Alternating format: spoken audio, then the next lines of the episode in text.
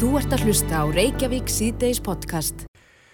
Við erum nú tíundað í þessum þætti, oftar en einu svona tvísvar, hvað svefnin er gríðarlega mikilvægur Já, já, og uh, ef að svefnin er ekki í lagi að þá fer margt annað úrstíðis já, já, heldur betur. sem að tengist heilsunni en, en Erla Björnsdóttir, uh, sálfræðingur hjá betrisvefni.is er uh, allar að tjena hapfyringum og fleirum Að sofa? að sofa og ná góðum svefni Mm en hún er með fyrirlestur í kvöld uh, sem að heitir Svefn er allt sem þarf. Og hann er klukkan átta í kvöld í bæjabíói uh, Sæl og blessuð Erla. Sælir.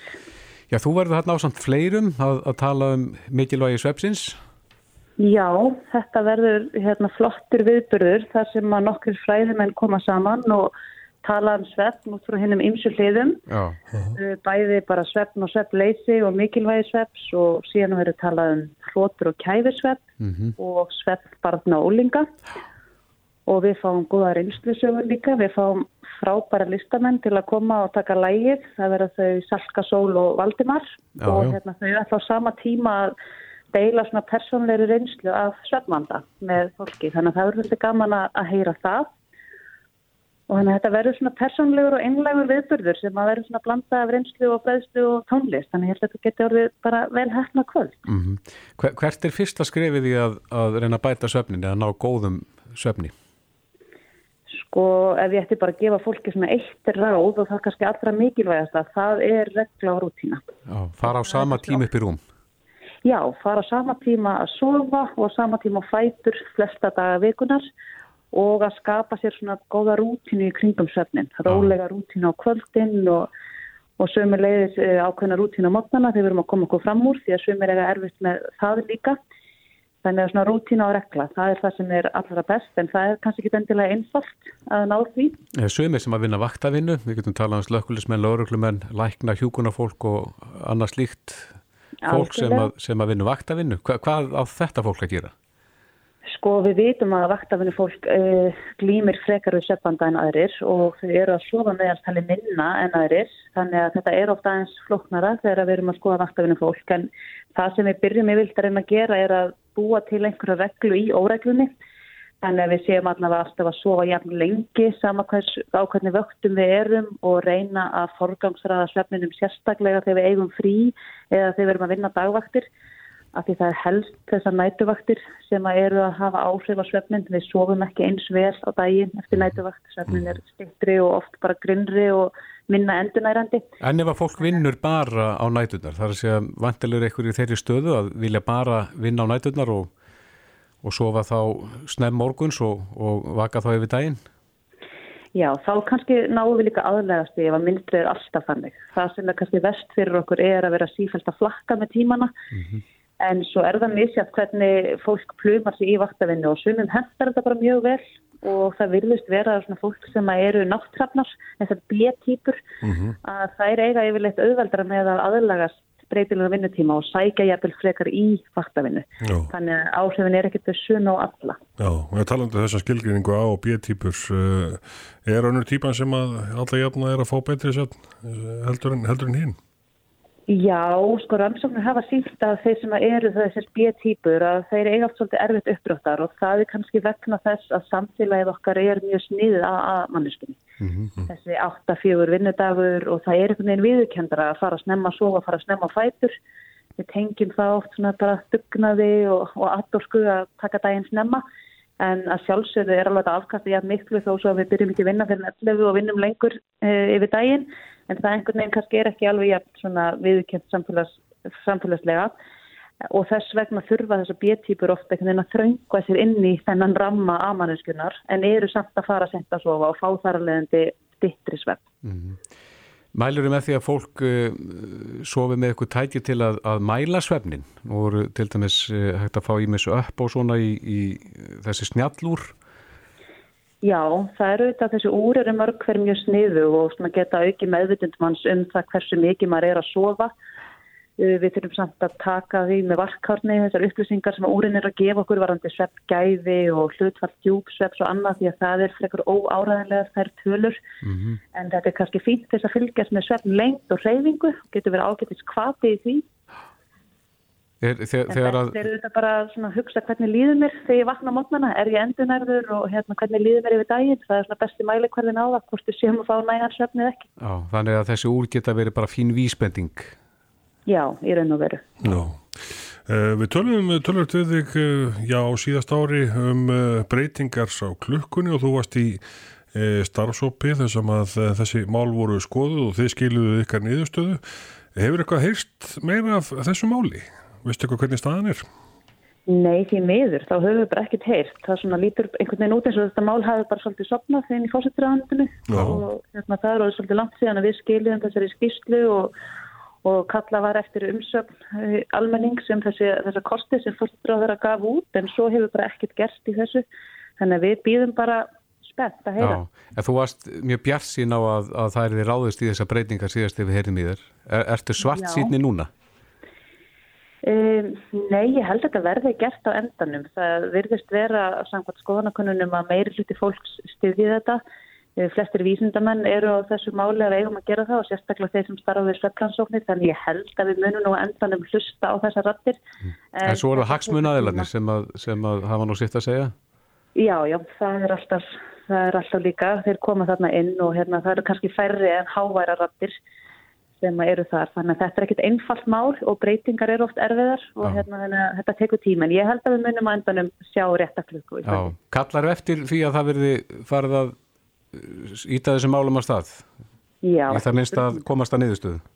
ekki spurning. Það er löngu komið tími til og við sem sátum í þessum starfsóp, ég held að við séum öll alveg tilbúin til þess að að mæta upp í ráðnæti og, og segja okkar skoðanir eða ef að kalla er eftir því en við höfum ekkert heyrt frekar en aðris. Nei, akkurat. Erla Björnsdóttir, sálfræðingur uh, hjá betrisvefn.is. Kæra þakki fyrir þetta. Já, takk fyrir. Bless, bless. Bless. Þú ert að hlusta á Reykjavík C-Days podcast. Já, en við sjáum í fréttum að Áslögarna Sigurbjörnsdóttir, dómsmálar á þeirra, hún ætlar að leggja fram uh, frumvarp um uh, breytingar á íslensku mannadamnalögum. Já. En ég held að þetta séu þau lög sem að eru einna skiptasta skoðanir um. Já. Það er sem mannadamna lögin og fólk stiftist einhvern veginn alveg í tvær fylkingar þar. Já, við töluðum oft við Óttar Proppi fyrir um ráð þeirra. Já, Þetta var alveg sérstætt hjartans mál hjá honum. já og hjá Bjartir framtíð. Já. Uh, hérna hefur ekki viðreist líka eitthvað verið að spáði þessi mál, þetta er svona frelsismál Já. en uh, Áslögarna, hún er komið með málið núna uh, upp á borð og ætlar að leggja það fram á þingi. Sæl? Sælir. Já, þú hefur nú oft talað fyrir frelsi í þessa átt, hvað var þar mannanöfnin, en, en uh, ert að dusta ríkið af einhverju vinnu í ráðunitinu? Já, nú er ég þetta komin í stöðu til þess að breyta því hér í ráðanættinu með frumvarpi uh, sem fyrir fyrir ríkstjórn og ég er að dusta vin, af þeirri vinnu sem Ólaf Nordal let inna hér þegar hún var í ráðanættinu og hafið mikið hugað því að færa þessi máli meiri frelsis átt Mm -hmm. og ég er með mál og þingmálskonu minni fyrir þennan þingveitur Já, um þetta. Er eitthvað sem að uh, lítur að, að því að leggja nýður mannarafnurönd? Þarf, þarf að gera það uh, þegar ákvörðun er tekin um að breyta lögum um mannarönd? Þarf endilega að leggja niður nefndina? Auðvitað ekki, það fer auðvitað eftir hvernig við viljum hafa kerfið Já. og hversu mikið frelsi við viljum hafa í því. Ég mun skoða það alvarlega að leggja niður mannafnönd og, og er að skoða svona þeirra aðtöðsendir og þá er umræður sem hafa skapast um þessi mál hinga til og vinna með síðan auðvitað bara frumst í undir minni fórustu allavega því að ég er nýmætt hingaðinn. já.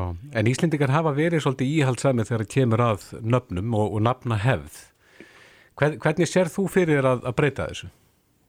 Já, ég held að uh, kerfi í dag sé of stíft og það kannski svari ekki því þeirri umræði sem Íslandingar ber oft á borðum hérna hvaða nafn eru heppileg og annað slíkt. Mm Ég held að við sjáum það þetta í ímissi umræðu um fólk sem hefur ákveðið að taka sér eðlilegt nafn eða skýra barnið sitt frekar eðlilegu nafni en fær nei af einhverjum frekar óskiljanlegum aðstæðum. Og svo sleppa kannski önnur í deg sem að fólki finnst eitthvað undarlegt. Há rétt, þannig að þetta eru þetta þannig það stíft kerfi að ég velti oft fyrir mér hvort að eh, það sé þörf á því og hversi raunverulega hlutverk ríkisins í því að velja hvaðan upp fær í gegn og hver ekki.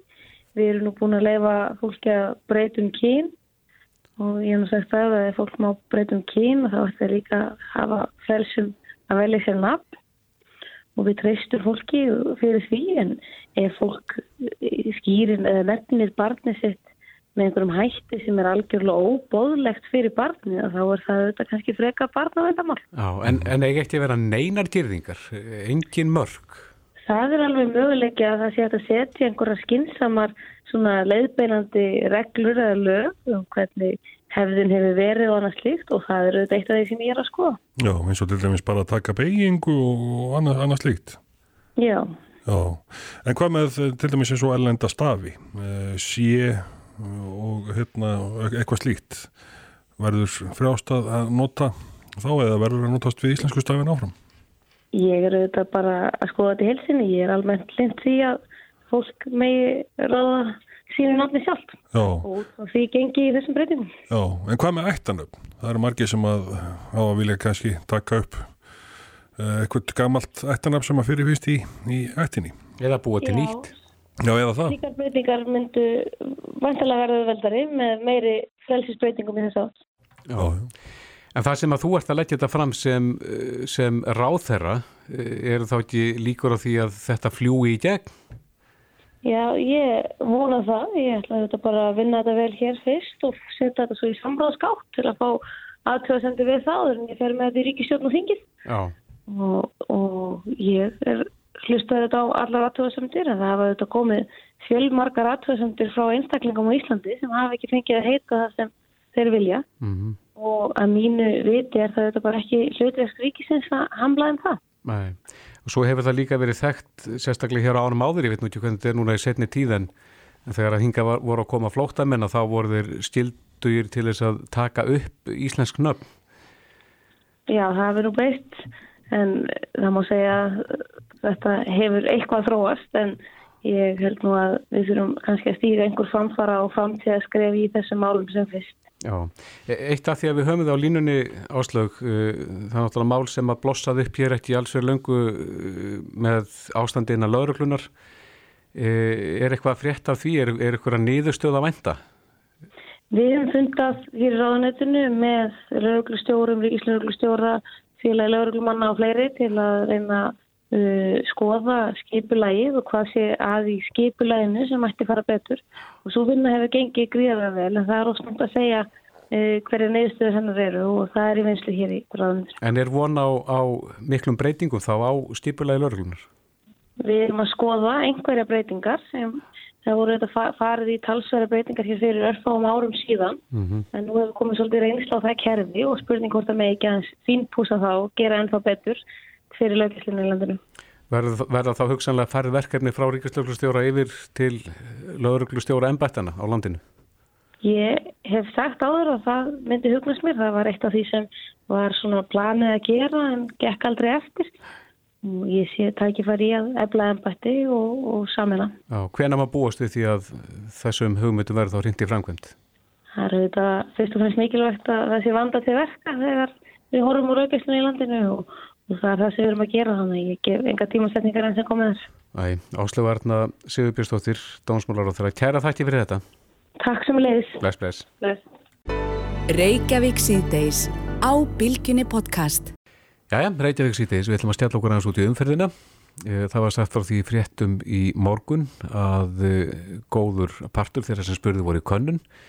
Hafi ekki hugmynd um hvað borgarlína er? Það er mikið búið að rýfast um þetta. Já, það var eh, gerð konun fyrir fréttablaðið sem að sender rannsóknir stóðum fyrir. Mm -hmm.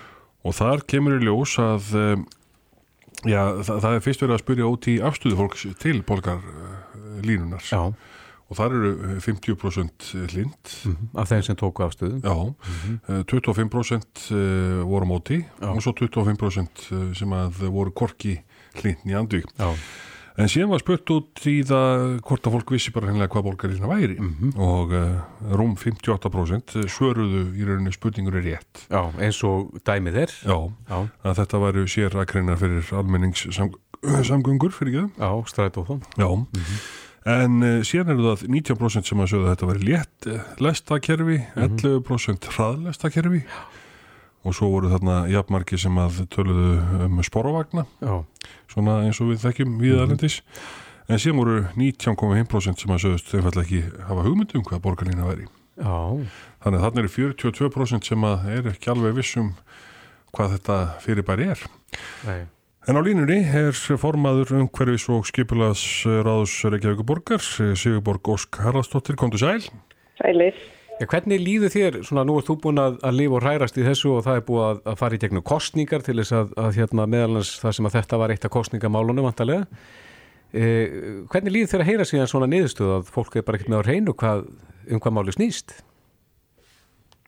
Herði, já, ég held að þetta sé mjög áhugavert og við þurfum kannski svolítið að setja þetta í samhengi við svona almenns, almenna vittnesku hjá fólki um uh, hinn og þessi mál. Já. Því að ég held að þetta og vil meina að þetta sé nokkuð hátt hlutfall sem að veit hvað borgarlín er. Já, þú vilt nú að dæminu við.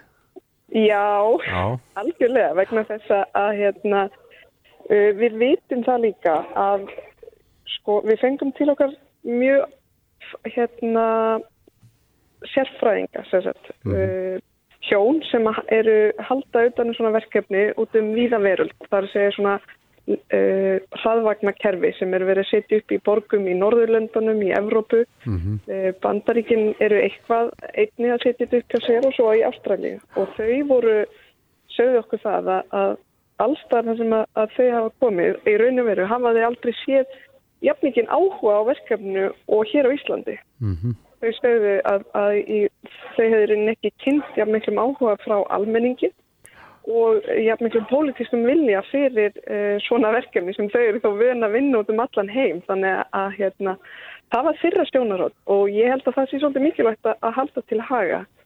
Uh, að því stöðu það því það ekki að hérna, við ættum að stá slöku við að, að kynna borgarlinu og hvaðan er. Mm -hmm. Allt ekki. Sko upplýst afstæða er náttúrulega alltaf besta afstæðan og það er uh, mjög áhugavert að sjá að það er nokkuð svipa hlutfall þeirra sem að styðja borgarlínu og þeirra sem vita hvað borgarlína er. Mm -hmm. en, er já, þannig eru 58% sem að tala um að borgarlína sé e, þessar e, aggreinar sem eru sérstaklega fyrir e, já, strætisvagna, er það ekki? Það er alveg, alveg hár rétt og það er réttu skilningur þessar fólks. Er eitthvað af hínu sem að nefnt var sem að er inn í borgarlinni?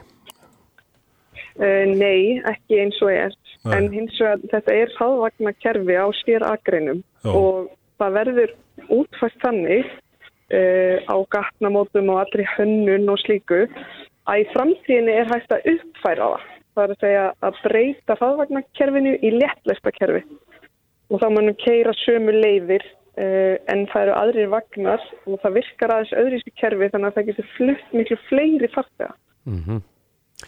Já þannig að það, þetta kerfi eins og þið setja þetta upp, það, það gefur möguleika á breytingum með lítilli fyriröfn.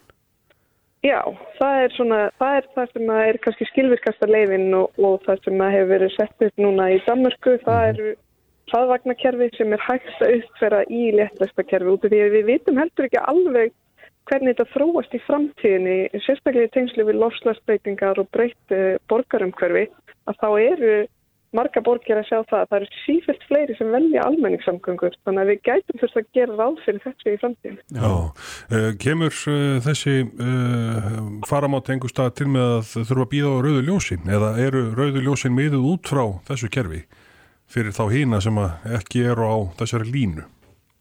Rauðiljósin eru miðið út frá þessu kerfi. Hún fær algjöran forgang uh, yfir öll gatnamót. Já. En Sigurborg, uh, í gær var samgöngu sáttmálinn tekinn fyrir í borgarstjórn. Uh, hann var samþyktur, hann var samþyktur með 12 aðkvæðan gegn 11. Hvena verður byrjað að, að vinna eftir honum? Það er að sjá hvert verður framhaldið hér eftir? Það er bara áfram gakk veginn. Verkefnastofa borgarlínu er tekinn til starfa og þau eru nú þegar byrjuð að vinna og þau eru að bjóða át nýtt umferðamódel fyrir allt höfuborgarsvæði. Mm -hmm. Það er, kemur, mun koma núna fljótlega eftir áramót þar sem við sjáum, fáum eitt fullkomnasta módel sem við nokkur tíman haft sem að tekur ekki bara bíla, heldur líka almenningssamgöngur og gangandi og hjólandi inn í módeli. Erum við þá að tala um þetta sem að var rætt hér á dögunum um uh, þessa nema sem að stýra þá umferðinni? Uh, mótilið er í rauninni bara tölvumótil Já. sem við notum til þess að útfæra borgarlinu og hanna hvað á hún að vera í göttinni, hvernig á hún að fara yfir gatnamótin, á hún að vera hægra megin, vinstra megin, í miðjunni, hvað er stoppistöðunar að vera. Mm En varandi, já, en það var nú talað um það að, að eh, vegfærandi myndi nú finna fljótt fyrir áhrifunum, það er að segja að, að það var talað um að setja upp eitthvað, eitthvað skona stýringu á, á ljósin, það er, er vist hluti af þessum samgöngu sáttmáli það ekki? Jú, það er hérna snýra tvennu. Það snýra því að gefa uh, borgarlínu í framtíðinni og kannski stræta núna forgangi við ljós en líka að því að snjallvæða umferðarljósa kerfi. Mm. Hvena verður það tekið í nótkun? Það í rauninni var bóðið, er búið að bjóða út umgjörðina utanum uh, ljósastýringarnar en ekki þessa miðlaði stýringu sjálfa. Mm En það er bara á fulli ferð, þannig að ég reikna með að það komi nú fyrir síðan. En, en borgarlína það er verkefni sem að tekur vantarlega ykkur ára að, að þróa og byggja upp en, jú. það kemur eitthvað á undan til þess að reyna að greiða úr þessari flætju í umferðinu það ekki, sýta svo á mótnana Jú, jú, þetta vinnur allt saman að sjálfsögðu. Hérna, það er nýtt leiðakerfi stræktó sem er í auðlýsingu núna sem að, bindum mikla vonu við. En og það sem að snýr að engabílnum það eru þeir sem sitja fastir Já, þá er í rauninni besta leiðin að fá uh, fleiri til þess að breyta ferðarveinum. Það er besta leiðin til að leta á umferðinni. Þannig að við vil- viljum það bæta almenningssamgöngur og bæta hjólastíðana. Þannig letum við á umferðinni.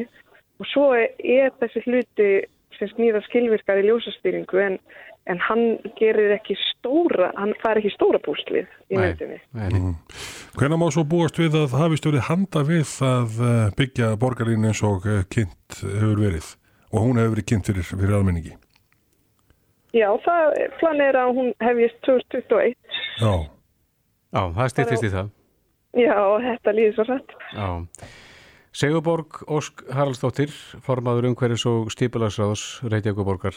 Kæra þakki fyrir spjallið. Takk sem við leiðis. Bless, bless. Þetta er Reykjavík C-Days podcast. Við heyrðum hérna áðan í Sigurborg Ósk Haraldsdóttir, hún er formaður uh, umhverfis og stipulagsráðs Reykjavíkuborgar en uh, það er umferðin og í gær var uh, samþykkt í borgarstjórn uh, þetta samgöngu, uh, þessi samgöngu sáttmáli svo kallaði en uh, uh, Vigdís Haugsdóttir, borgarfulltrúi miðflokksins er ekki sátt við hvernig já, tólkun meirlutans á þessum samgöngu sáttmála eða hvað, Sælvigdís? Já, konar sælir, það er nú kannski fyrst að nefna við atkvæðagreðslu ekki æra. Þetta er nú fyrst skipti sem að meiri hluti kemur ekki heilt til atkvæðagreðslu því að þeim er tíknefndi píratar þegar voru með sér bókun um sáttmálan. Þannig að það var nú ákveðin pólitist í því. En miða við það hvað rættur um hjá meiri hlutanum að þá telja þeir sem hérna í Reykjavík vera að vinna á fullu með það að hafa borgarlínu í forgangi. En uh, það er bara alls ekki það sem stendur í samningnum því að það sem að er sérstætt ákvæði, fyrstagrein, flýting framkvæmda, þá er það refst á blaði að ráðist verði strax í markvissar aðgerði til að nýta nýjar teknilausnir og bæta umferðaljósa kerfi á höfuborgarsvæðinu í takt við markmið samkónlagsins. Við spurðum einmitt Sigurborgu hérna áðan uh, að því og uh, það var svona á hennar stilja að, að það var ekki efst á forgangslistanum heldur væri það uh, efst þar að, að fá fólk til að, að nota almenni samgangur meira.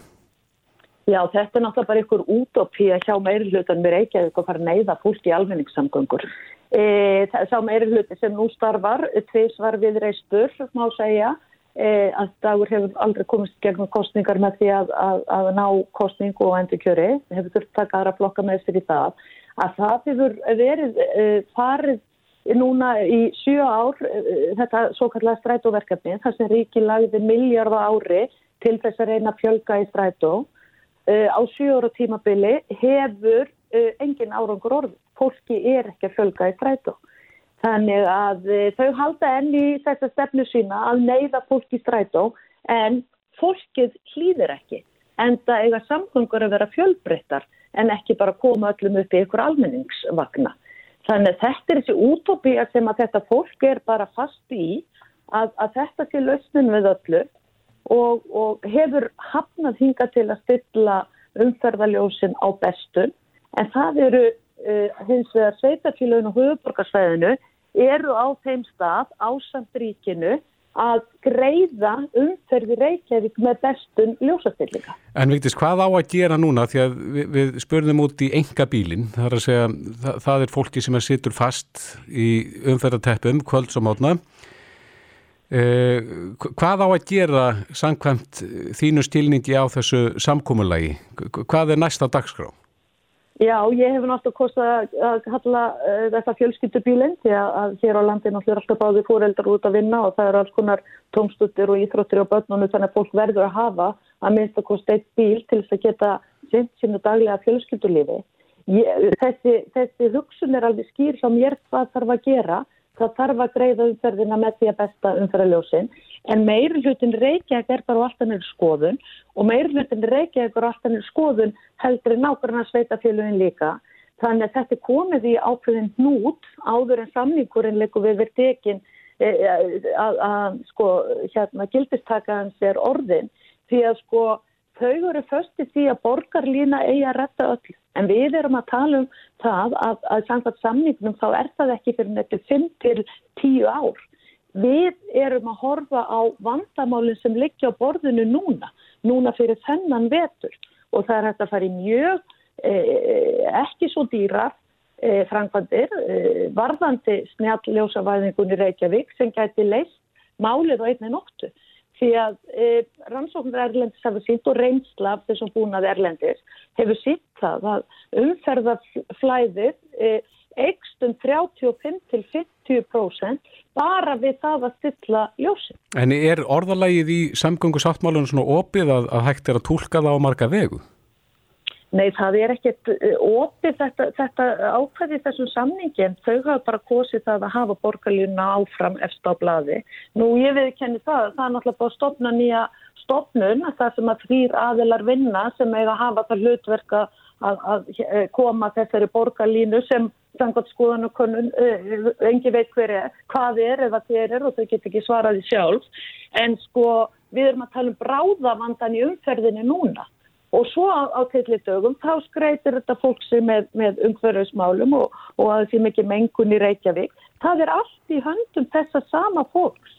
Því um leiðu voru búin að greiða umferðina með ljósastýringunni, þá er minni mengun því þá eru bílarnar ekki slengi stopp á ljósum og svo náttúrulega samfélagslegu áhrifin að fólk geti farið að eh, komast á skikkalegum tíma til við nöð í skóla í stað þess að eigða fleiri klukkustundum á ári því að býða í, í bílalesti Reykjavík. En Víktis, tekur ekki undir það að það sé stinsanlegt að, að fá fleiri upp í strætum? Það er að segja að fækka bílum á, á, í borginni, á gödum borgarinnar til þess að greiða fyrir umferð? Ég er á þeirri skoðun að þetta sé ekki mótili til þess að, að hérna, greiða fyrir umferð að borgarlínan verði og allir fari upp í strætu. Við búum á Íslandi, hér eru stundum harðir uh, vetur. Þannig að þetta er eins og ég segi falleg draumsín en hún er ekki að virka. Og þetta er einhvern veginn alltaf keirt tannig áfram að það eru þið sem er að taka stræt og við ætlum að halda áfram að vera bara með okkar mál. Eins og þessi setning sem kemur alltaf já um leið og allir eru komin upp í almenningssamgökur þá verður engi vandamál í umferðinni því þá er meira pláss fyrir bílan og göttunum. Þá segir ég alltaf hverjir eiga að keira þá bíla? Er það hérna ykkur elita eða, eða hvað? hver á að velja það? Fjölbreytt í samgöngum er það sem að þekkist í öllum borgum sem við berum okkur sama við. Fólk verður að hafa þetta frelsi og taka upp eitthvað svona sovjetkerfi að reka allir almenningssamgöngur. Það er bara því með ekki að virka árið 2019. En er það þinn stílningur það sé ekki verið að vinna eftir samgöngu sáttmálunum í dag í borginni? Já, það, er, það kom í, í ljósikæðir því að að hérna mér bárust upplýsingur um það að Reykjavíkuborg eitt sveitafélaga hafði farið á stað með útbóð varðandi rammarsamningum um ljósastýringa útbúna og þá Reykjavíkuborg að brjóta það samkomla því það á að vera á milli sveitafélagan og höfuborgarsvæðinu allra og ríkisins. Reykjavíkuborg á ekkert að skjóta sér út af þeim samningi og fara að gera þetta á eigin spýtur því ef að samkommulagið á að halda þá verða allir aðilar að ganga í takt. Og ég hef af því fregnir að, að hérna e, sveitafélagin hinn og höfuborgarsvæðinu vissu til dæmis ekki að þessu frumhlaupi borgarinnar og, og, hérna, og þessu rammarsamningsútbóði og komu alveg að fjöllum hvað Reykjavík og borga einu sér maður að gera í því. En þá náttúrulega tók borgarstjóri þessu stundu upp og hjólaði í persónu mína og, og reynda að fara að miskila hlutina í stað þess að ræða þetta efnislega því að, að uppkomstum piltinn tuma því að, að allt í einu núna eru þau orðin rosalind til að fara í útbúða á einhverjum ljósa uh, stýringar útbúnaði en það var ekki svo fyrir mánuðið síðan. Nei. Reykjavík og borg verður að standa við samkómulag. Þetta er samkómulag en uh, Reykjavík og borg getur ekki verið uh, sko ein leiðandi í því sem að uh, hún vil gera þeirri stefnumörkun sem að Dagur B. Ekkersson stöndur fyrir. Þetta verður að vinnast í samvinnu. Já. Vigdís Högstóttir, borgar fulltrú í Reykjavík. Kæra þakki verið þetta. Bestu þakkir. Best, best. Hlustaðu hvena sem er á Reykjavík C-Days podcast. Manni finnst einhvern veginn ótrúlegt til þess að hugsa á Íslandi mm -hmm. að það séu íbúar á landinu sem að eigi erfileikum með það að, að hitta hýbilisinn með góðu móti. Já, já. Þannig er geðan svo sannlega miskipt. Já, akkurat. En uh, hún, uh, Sandra Brá Jóhannsdóttir, hún er formað samtaka sveitafélag á koldum svæðum, hún skrifir um eitt grein um þetta sem hún vekur aðtekli á stöðu þeirra sem að búa þessum svæðum mm -hmm. Sæl Sandra? Já, komið sælir Já, eins og ég segi, það, maður sömur ég erfitt með að ímynda sig þetta að, að það sé fólk hérna sem að, ég segi nú ekki stjálfur og kulda en, en ákvæmst í meiri erfiðleikum með að hita sig og, og hýpilið sín Já, það er allavega þurfum við að, að hérna, velta því meira fyrir okkur heldur en aðrir hvernig við ætlum að gera það, mm -hmm. þannig að það setja okkur ekki að hausinn. Já, og er, er, er þið með eitthvað að laust? Sko, það sem að auðvitað hefur verið í bóði að það eru þessar varmadælur til þess að, eh, ná niður þessum kilowattstundum sem við erum að greiða fyrir Já. til þess að hýta með ramagni. Eh, það sem við höfum kannski verið að benda á hjá samtökunum mm -hmm. að það er uh, þetta að þetta er kannski ekki bara okkar uh, höfuvörskur. Af því að það auðvitað kemur sér öllum vel ef að við uh, draugum niður eh, nótkunn mm -hmm. á rávorsku. Oh. Eh, þannig að þetta er, að, þetta er kannski landsmána alla að hugslum raunverulega. Þannig að eh, heita vatni sem slikt er kannski bara meira auðlind heldur en einhver svona enga gæði. Sko. Já, það er ekki allir að njóta þeirra auðlindar og þá til japs. Já, það er allavega, viljum við meina það, að Já. það er kannski ekkit, ekkit réttlæti fólki í því að bara við sem búum á þessum köldusvæðum þurfum að vera að finna út í hvernig við ætlum að draga úr ráðskunnotkun. Já, hvað er þetta stór svæði og hvað, hvað er um íbúandi margir á, á köldum svæðum? Sko, það eru nú einhverju þúsundur. Það eru um 25 sveitafélug sem eru í samtökunum og ég veit nú ekki nákvæmlega hvað við teljum marga, eh, mörg þúsundur íbúa en við erum dreifð út um allt landið. Mm -hmm. e, í stóra samhenginu er þetta kannski ekkert svo e, sko margir, e, margir íbúar. Nei. Þannig að þú veist, manni finnst raunverulega eftir ekki að vera neitt mikið mál að jafna þetta. Nei, en þið viljið þá að, að þeir sem að búa þá á heitusvæðanum að þeir borgi þá kannski aðeins meira fyrir rafmagnir til þess að, að jafna stöðuna? Já, það er mögulega einlust. Nú eða að ríki þá komi inn í með eh, meiri jöfnun fyrir þessi sveiði. Ef að það er stefna ríkisins að það sé ekki verið að greiða e, að, að, að, halda áfram niður verði þeirra sem eru að borga e, á, með hittaveitu. Mm -hmm.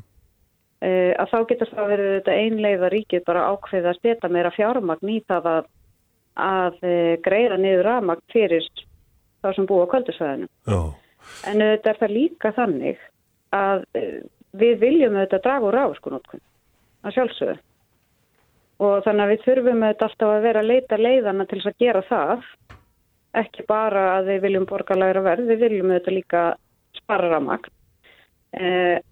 En þá er bara spurninga um við þá einu að sita uppi með þann kostnart. Já, Já, já. og þú veist að finna það er teknilusni sem þarf til þess. Já. E, köld svæði, á þetta bara við um svæði sem að eiga erfitt með aðgangað heitavatninu eða maður hefur líka heyrt en talað um köld svæði þegar kemur að bara nett tengingum og, og svona tekni nýjungum. Já, er, það, er það rétt með tíðamur? Sko í þessu tilfelli er þetta fyrst og fremst þetta þeir sem að þurfa að kynnta heimilinsinu upp með rafmagni. Já. Það er það sem að við skilgrænum sem kvöldsvæði. Getur þú nefnt, okkur dæmi um uh, verðmun, þar að segja heimili sem að býr við heitavatnið og, og síðan heimili sem að þarf að kynnta með rafmagni? Já, ég get bara nefnt dæmi um, ég menna raf, raforku reikningur, eða hitta veitur reikningur í Reykjavík er kannski á bylunu ég segi kannski 5 til 7000 eitthvað svo leiðis á meðan að við sem erum að greiða fyrir að kynnta með rafmagni erum að það fer allt upp í 20-30.000 það fer auðvitað bara eftir hvað þú ert að kynnta stórt hús Já, Þetta er gríðalegu munur. Já, það er gríðalegu munur Já. En heldur það myndi muna miklu ef að, ef að þessu er jafnað á milli landsmanna? Eh, Heldur að rafmagsreikningur myndi hækka mikið hjá þeim sem eru á heitusvæðunum? um, Ég fóru nú kannski ekki hafa nú ekki verið farið í svo nákvæma útreikninga eða ég er að mist kosta ekki með þá Nei. Nei. en hérna eflaust ef að það er bara tekið út frá því að jafna þeim kostnaði hækkar það eflaust eitthvað en í stóra samhenginu samt ekki eins mikið og munurinn er á milli það sem við erum að borga í dag sem erum á kvöldisvæðum.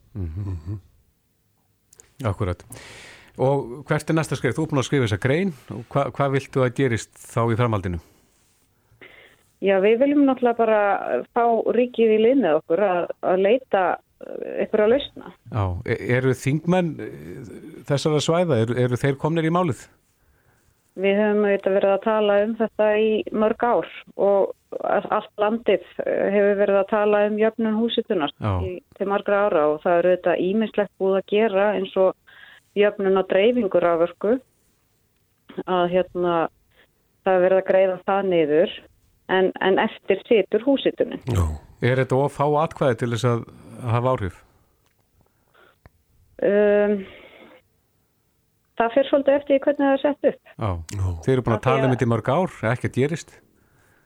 Mm, sko, ég myndi segja uh, þetta, sko, drópinhóla steinin, vissulega og við erum í stefnumótin í samtökunum um hvernig við ætlum að uh, hérna uh, hva, hvaða uh, í rauninni hvaða lausnir við ætlum að leggja til. Já, nú hefur við verið að tala, tala um heimilin aðalega, en, en, en hvað með atvinnu uppbyggingu á þessum stöðum? Eh, Stendur þetta ekki atvinnu uppbyggingu fyrir þrjúfum?